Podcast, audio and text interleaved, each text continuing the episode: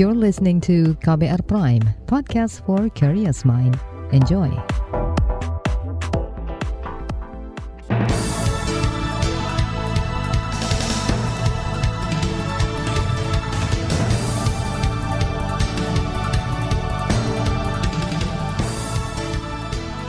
Selamat pagi saudara, senang sekali kami bisa menjumpai Anda kembali melalui program Buletin Pagi edisi Selasa 9 Agustus 2022. Bersama saya Naomi Liantra. Sejumlah informasi pilihan telah kami siapkan di antaranya, pemerintah diminta antisipasi krisis pangan, Komnas HAM melanjutkan pemeriksaan ponsel kasus tewasnya Brigadir J. Belasan gunung api berstatus waspada. Inilah Buletin Pagi selengkapnya. Terbaru di Buletin Pagi. Saudara Presiden Joko Widodo menyatakan perubahan iklim ekstrim atau anomali cuaca berdampak serius pada ketahanan pangan dunia. Kata dia, Badan Pangan Dunia FAO mencatat 500 juta petani yang menyokong 80 persen pangan global terancam gagal panen. Hal itu disampaikan Jokowi dalam Rakornas Badan Meteorologi, Klimatologi, dan Geofisika BMKG kemarin. WHO juga memprediksi akan ada 13 juta orang kelaparan akibat terhambatnya rantai pasok dunia karena perang Ukraina. Hati-hati, ini persoalan yang sangat serius. Perlu penanganan yang komprehensif. Perlu antisipasi sedini mungkin. Secepat-cepatnya dan sebaik-baiknya. Dampak dari perubahan iklim ini sangat serius. Kita perlu memiliki kebijakan dan sistem yang teruji dan tangguh untuk menjamin ketahanan pangan. Presiden Jokowi meminta BMKG mengedukasi petani dan nelayan tentang perubahan cuaca ekstrim agar risiko gagal panen bisa diantisipasi. BMKG juga diminta menyiapkan peralatan canggih untuk memprediksi cuaca. Dalam kesempatan yang sama, Kepala BMKG Dwi Korita Karnawati menyebut bencana hidrometeorologi mengancam produktivitas petani dan nelayan. Risiko bencana ini dipicu perubahan iklim petani ayam perlu didukung oleh BMKG dalam mengantisipasi cuaca dan iklim ekstrim yang dapat berdampak kepada kegiatan pertanian maupun kegiatan melautnya. Mekanisme sekolah lapang yang diselenggarakan oleh BMKG bersama mitra terkait adalah platform yang didesain dan dilaksanakan untuk memfasilitasi literasi petani dan nelayan tersebut. Melalui sekolah lapang, pemanfaatan info BMKG diperkuat dan disebarluaskan dalam mendukung kegiatan pertanian dan perikanan Kepala BMKG Dwi Korita Karnawati menjelaskan sekolah lapangan yang dimaksud meliputi pengenalan cuaca dan iklim. Selama satu dekade, sekolah ini sudah menyasar 16.000 peserta di 33 provinsi. Ia mengklaim sejak 2016 produktivitas petani pada komoditas padi, jagung, dan hortikultura meningkat 30 persen berkat penguasaan metode pengenalan cuaca. Sementara itu kerjasama antar pemerintah dibutuhkan untuk memaksimalkan produksi pertanian nasional – Menteri Pertanian Syahrul Yasin Limpo mengatakan daerah juga harus berinovasi dan mengurangi ketergantungan pada cara-cara lama, misalnya terkait penggunaan pupuk. Kondisi ini tidak baik-baik saja. Kita harus sama-sama, mari kita manfaatkan ilmu dan kemampuan kita yang ada di Indonesia. Caranya adalah yang pertama, memitigasi semua tantangan. Berdaerah, per kabupaten, per provinsi. Secara nasional kita mitigasi itu Pak Sekjen, Pak Dirjen, yang kedua, mengadaptasi tantangan alam yang ada. Adaptasi, kalau tunggu pupuk subsidi semua pasti nggak bisa itu. Menteri Pertanian Syahrul Yassin Limpo mendorong penggunaan pupuk organik yang lebih ramah lingkungan. Perbaikan manajemen juga dibutuhkan agar pemanfaatan pupuk bisa maksimal. Selain itu, pengawasan dan evaluasi harus dilakukan di level daerah secara berkala. Di pihak lain, pemerintah diminta tak hanya fokus pada edukasi tetapi juga pengembangan komoditas pertanian dan penyiapan lahan. Hal itu disampaikan anggota Komisi Pertanian DPR, Melani Leimena. Kalau nggak antisipasi dan research and development-nya tidak dikembangkan, uh, akhirnya kita jadi sudah uh, krisis yang tidak kita bisa atasi kembali. Sekarang ini mungkin saatnya untuk uh, apa namanya bersama-sama Eh, untuk meneliti mana-mana produk-produk pangan yang bagus untuk dimakan, yang lahannya juga cocok. Kan banyak daerah-daerah uh, kita konsentrasikan untuk menanam apa-apa yang uh, diperlukan. Anggota Komisi Pertanian DPR Melani Leimena juga mendorong optimalisasi produksi komoditas pangan seperti kedelai. Politikus Partai Demokrat ini menyoroti rendahnya produksi kedelai tahun lalu yang hanya mencapai 200-an ribu ton. Jumlah itu tak bisa memenuhi kebutuhan nasional yang mencapai hampir 2,5 juta ton sehingga harus impor. Ia membandingkan dengan produksi nasional pada 2016 yang bisa menyentuh 1,3 juta ton. Sementara itu, kalangan petani meminta pemerintah segera membangun sistem kemandirian pangan untuk menghadapi krisis. Ketua Serikat Petani Indonesia SPI Henry Saragi mengatakan kedaulatan pangan perlu dibangun agar tidak lagi bergantung pada impor. Harusnya eh, kita itu negeri seperti Indonesia ini ya pangan kita memang betul kita produksi dalam negeri sendiri. Padi, jagung, kacang kedelai, ya semuanya yang kita butuhkan itu harusnya kita uh, penuhi dalam negeri kita dan kita juga tidak mesti tergantung kepada tanaman ekspor seperti kebun kelapa sawit ini nggak perlu sampai dibuka sampai uh, demikian banyaknya. Ketua Serikat Petani Indonesia, Henry Saragih, menyinggung minimnya ketersediaan lahan pertanian untuk menanam padi, jagung, dan kedelai. Luasnya hanya berkisar 7,5 juta hektar, yang membandingkan dengan kebun sawit yang luasnya mencapai 16 juta hektar. Selanjutnya, honor penyelenggara pemilu bakal naik. Informasinya akan hadir sesaat lagi. Tetaplah di Buletin Pagi KBR. You're listening to KBR Pride, podcast for curious mind. Enjoy!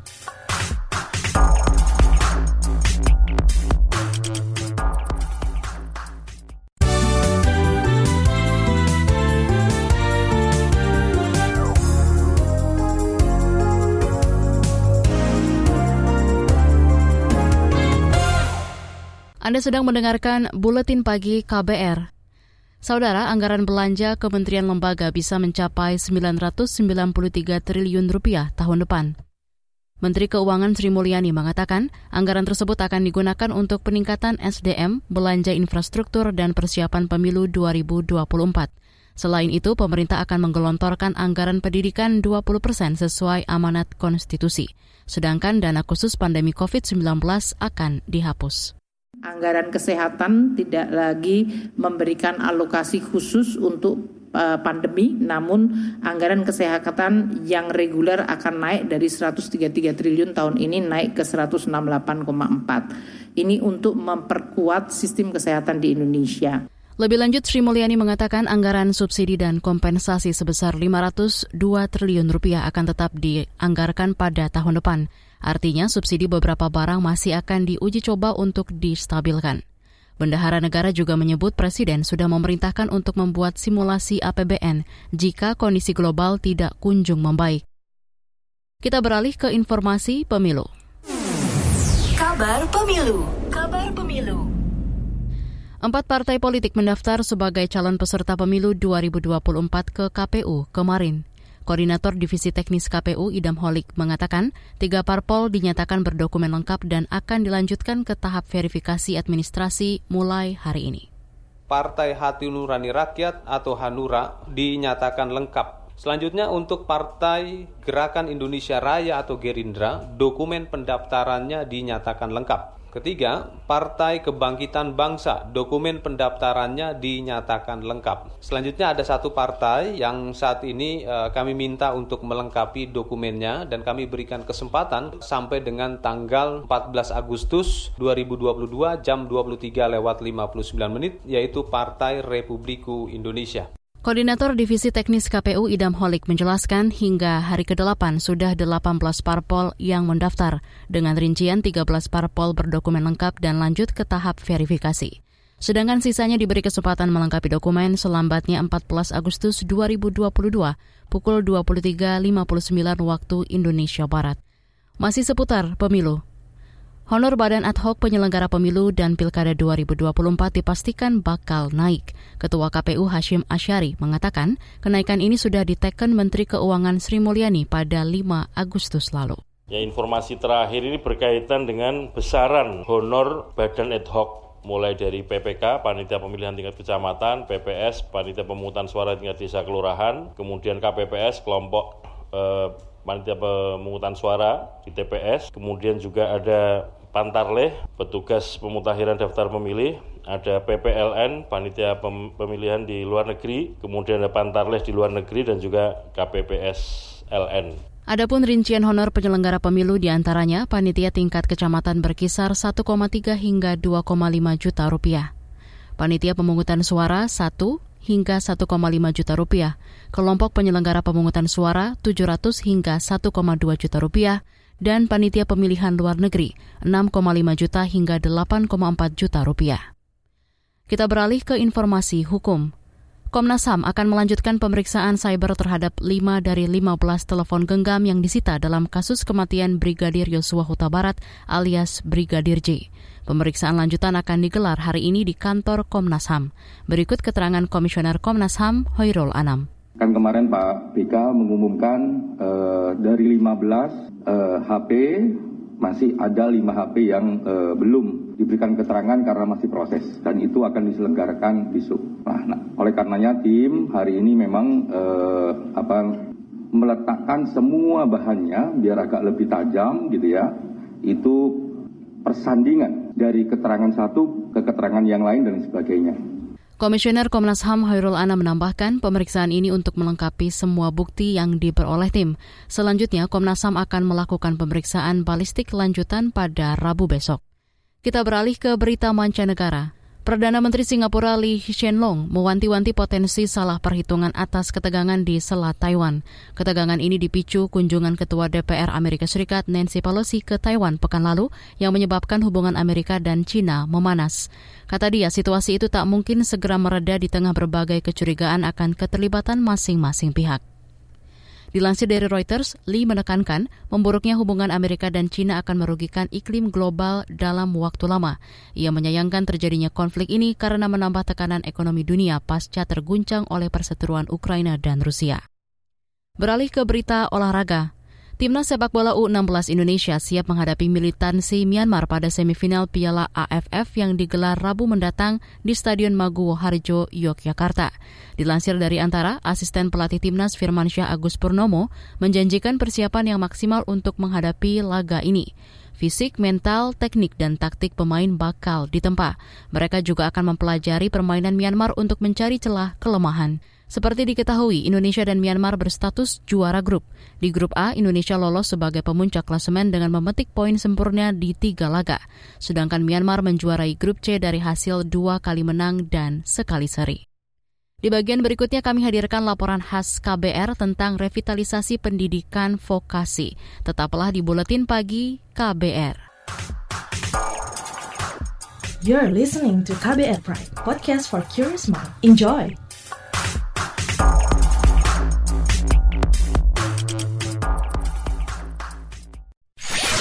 Commercial break.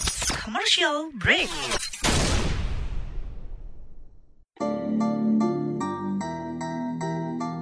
Come on yo. Buat yang sukanya berhoax, you better listen to this one. Check this one out yo. Hati-hati kalau baca kabar hoax. Jangan langsung disebar kabar yang hoax. Kalau mau tahu kabar benar atau hoax, dengerin cek fakta yang pasti bukan hoax. Dengerinnya setiap Senin yang jelas bukan hoax. Cuma ada di kbrprime.id dan aplikasi podcast lainnya. Hoax. Sudah cukup cukup hoaxnya? Hoax. Cukup. Jaga emosi, tahan jari, verifikasi sebelum dibagi. Saya Ari Bowo Sasmito, Ketua Komite Pemeriksa Fakta Mafindo. KBR Prime, podcast for curious mind.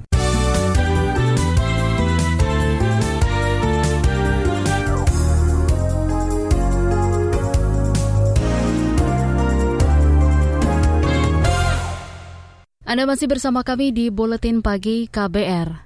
Indonesia akan mengalami bonus demografi pada 2030 mendatang. Jumlah penduduk usia kerja diprediksi mencapai lebih dari 200 juta jiwa dan hampir 70 persen merupakan angkatan kerja.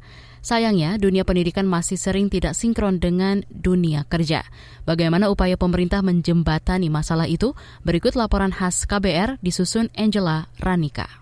Saudara, akhir April lalu, Presiden Joko Widodo menandatangani Peraturan Presiden Nomor 68 Tahun 2022 tentang revitalisasi pendidikan vokasi dan pelatihan vokasi. Perpres ini untuk mempersiapkan sumber daya manusia Indonesia lulusan vokasi yang lebih berkualitas dan berdaya saing.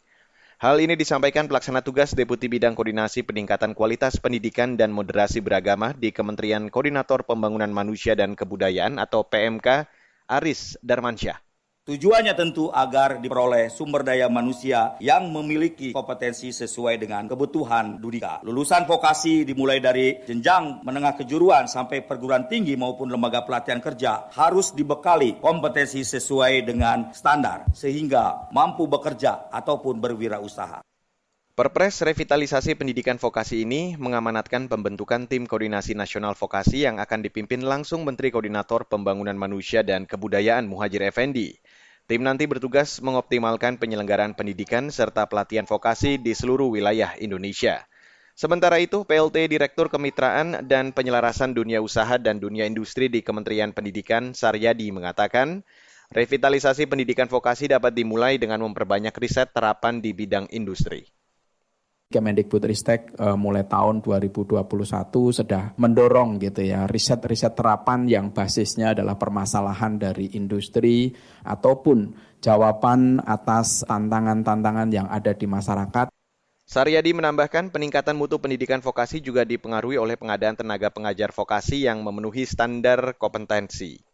Jadi eh, ketika industri berinvestasi di satuan pendidikan vokasi dalam hal ini SMK, maka pemerintah mengeluarkan investasi dengan jumlah atau nilai nominal yang sama guna menghasilkan output program yang akan disepakati antara industri dengan SMK.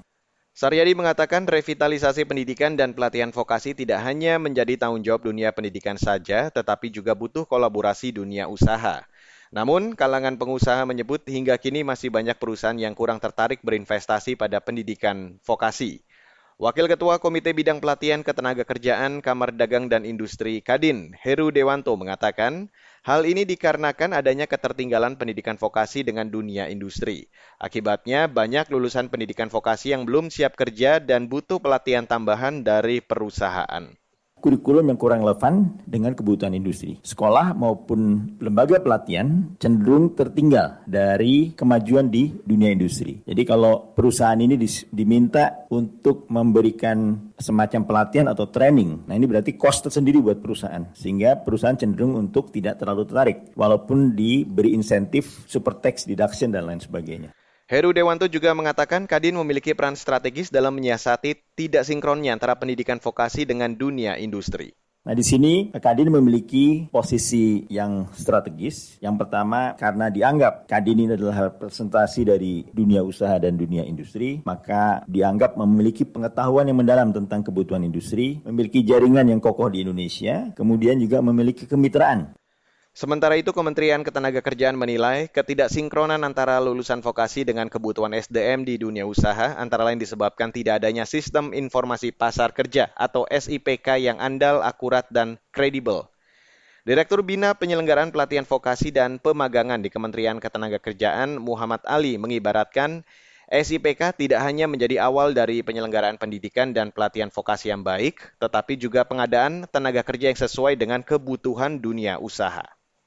Kita sibuk bagaimana melulusan, tapi kita jarang berpikir apakah lulusan yang kita hasilkan ini sesuai dengan kebutuhan industri, sesuai dengan kebutuhan dunia usaha. Melalui SIPK ini mudah-mudahan bisa menjadi jawaban buat kita semua agar apa yang diinginkan oleh industri, apa yang diinginkan oleh dunia usaha, skill yang dibutuhkan saat ini dengan perkembangan teknologi benar-benar bisa terjawab melalui program-program studi, program-program pelatihan yang nanti akan kita kembangkan. Muhammad Ali mengatakan saat ini Kementerian Ketenagakerjaan tengah menyiapkan Sistem Informasi Pasar Kerja atau SIPK.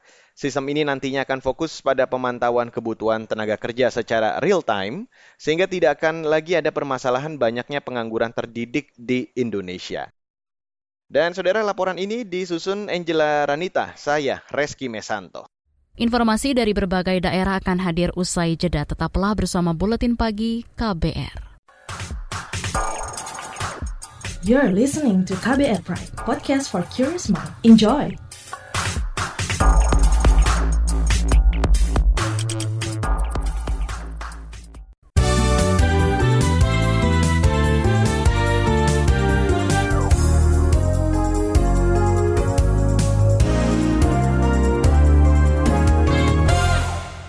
Inilah bagian akhir buletin KBR. Saudara, belasan gunung api di Indonesia berstatus waspada dan lima lainnya berstatus siaga. Hal itu diungkapkan Kepala Pusat Vulkanologi Mitigasi Bencana Geologi PVMBG Kementerian ESDM Hendra Gunawan. Dan ada lima gunung dalam level siaga, yaitu Anak Rakatau yang sedang erupsi seperti kita ketahui, Gunung Awu, Gunung Merapi juga masih erupsi, Gunung Semeru ya kadang-kadang masih erupsi dan Ili Lewotolok yang sudah uh, beberapa bulan erupsi terus dan selebihnya dalam kondisi normal. Kepala PVMBG Hendra Gunawan menambahkan ada sembilan gunung api yang meletus sepanjang 2022. Di antaranya Gunung Dempo, Merapi, Semeru, Anak Rakatau, dan Ili Lewotolok. Letusan atau erupsinya disertai awan panas. Kita ke Kalimantan Timur. Aktivitas warga kota Balikpapan belum dibatasi meski masuk zona merah COVID-19. Meski demikian, kegiatan keramaian harus memenuhi persyaratan sesuai edaran Satgas COVID-19. Berikut pernyataan Kepala Dinas Kesehatan Kota Balikpapan, Andri Sri Juliarti. Uh, mengatur bahwa kegiatan di atas berjumlah seribu orang atau skala besar di mana sejumlah itu berkumpul pada waktu dan tempat yang sama maka diwajibkan mendapatkan rekomendasi kegiatan dari uh, pusat atau Satgas Nasional, kemudian izin dari kepolisian dan seluruh peserta wajib sudah divaksinasi uh, sampai dengan level booster. Kemarin kasus COVID-19 di Balikpapan mencapai 280-an kasus, tertinggi di Kalimantan Timur. Sejak bulan lalu Balikpapan masuk zona merah. Bergeser ke Sumatera, Pemerintah Provinsi Bengkulu meminta tambahan 60 ribu dosis vaksin COVID-19 ke Kementerian Kesehatan. Ini untuk memenuhi kebutuhan vaksinasi dosis ketiga dan keempat. Kepala Dinas Kesehatan Bengkulu Herwan Antoni dalam keterangannya menjelaskan, tiga vaksin yang diminta adalah vaksin Moderna, Pfizer, dan AstraZeneca. Jumlahnya masing-masing 20 ribu dosis. Saat ini, pelaksana vaksinasi dosis keempat baru difokuskan ke pegawai yang bekerja di Dinas Kesehatan dan Tenaga Kesehatan. Namun target pemenuhannya terkendala jumlah vaksin yang belum mencukupi. Informasi tadi menutup jumpa kita di Buletin Pagi hari ini. Pantau juga informasi terbaru melalui kabar baru, situs kbr.id, Twitter kami di akun @beritaKBR, serta podcast di alamat kbrprime.id. Akhirnya saya Naomi Liandra bersama tim yang bertugas undur diri. Salam.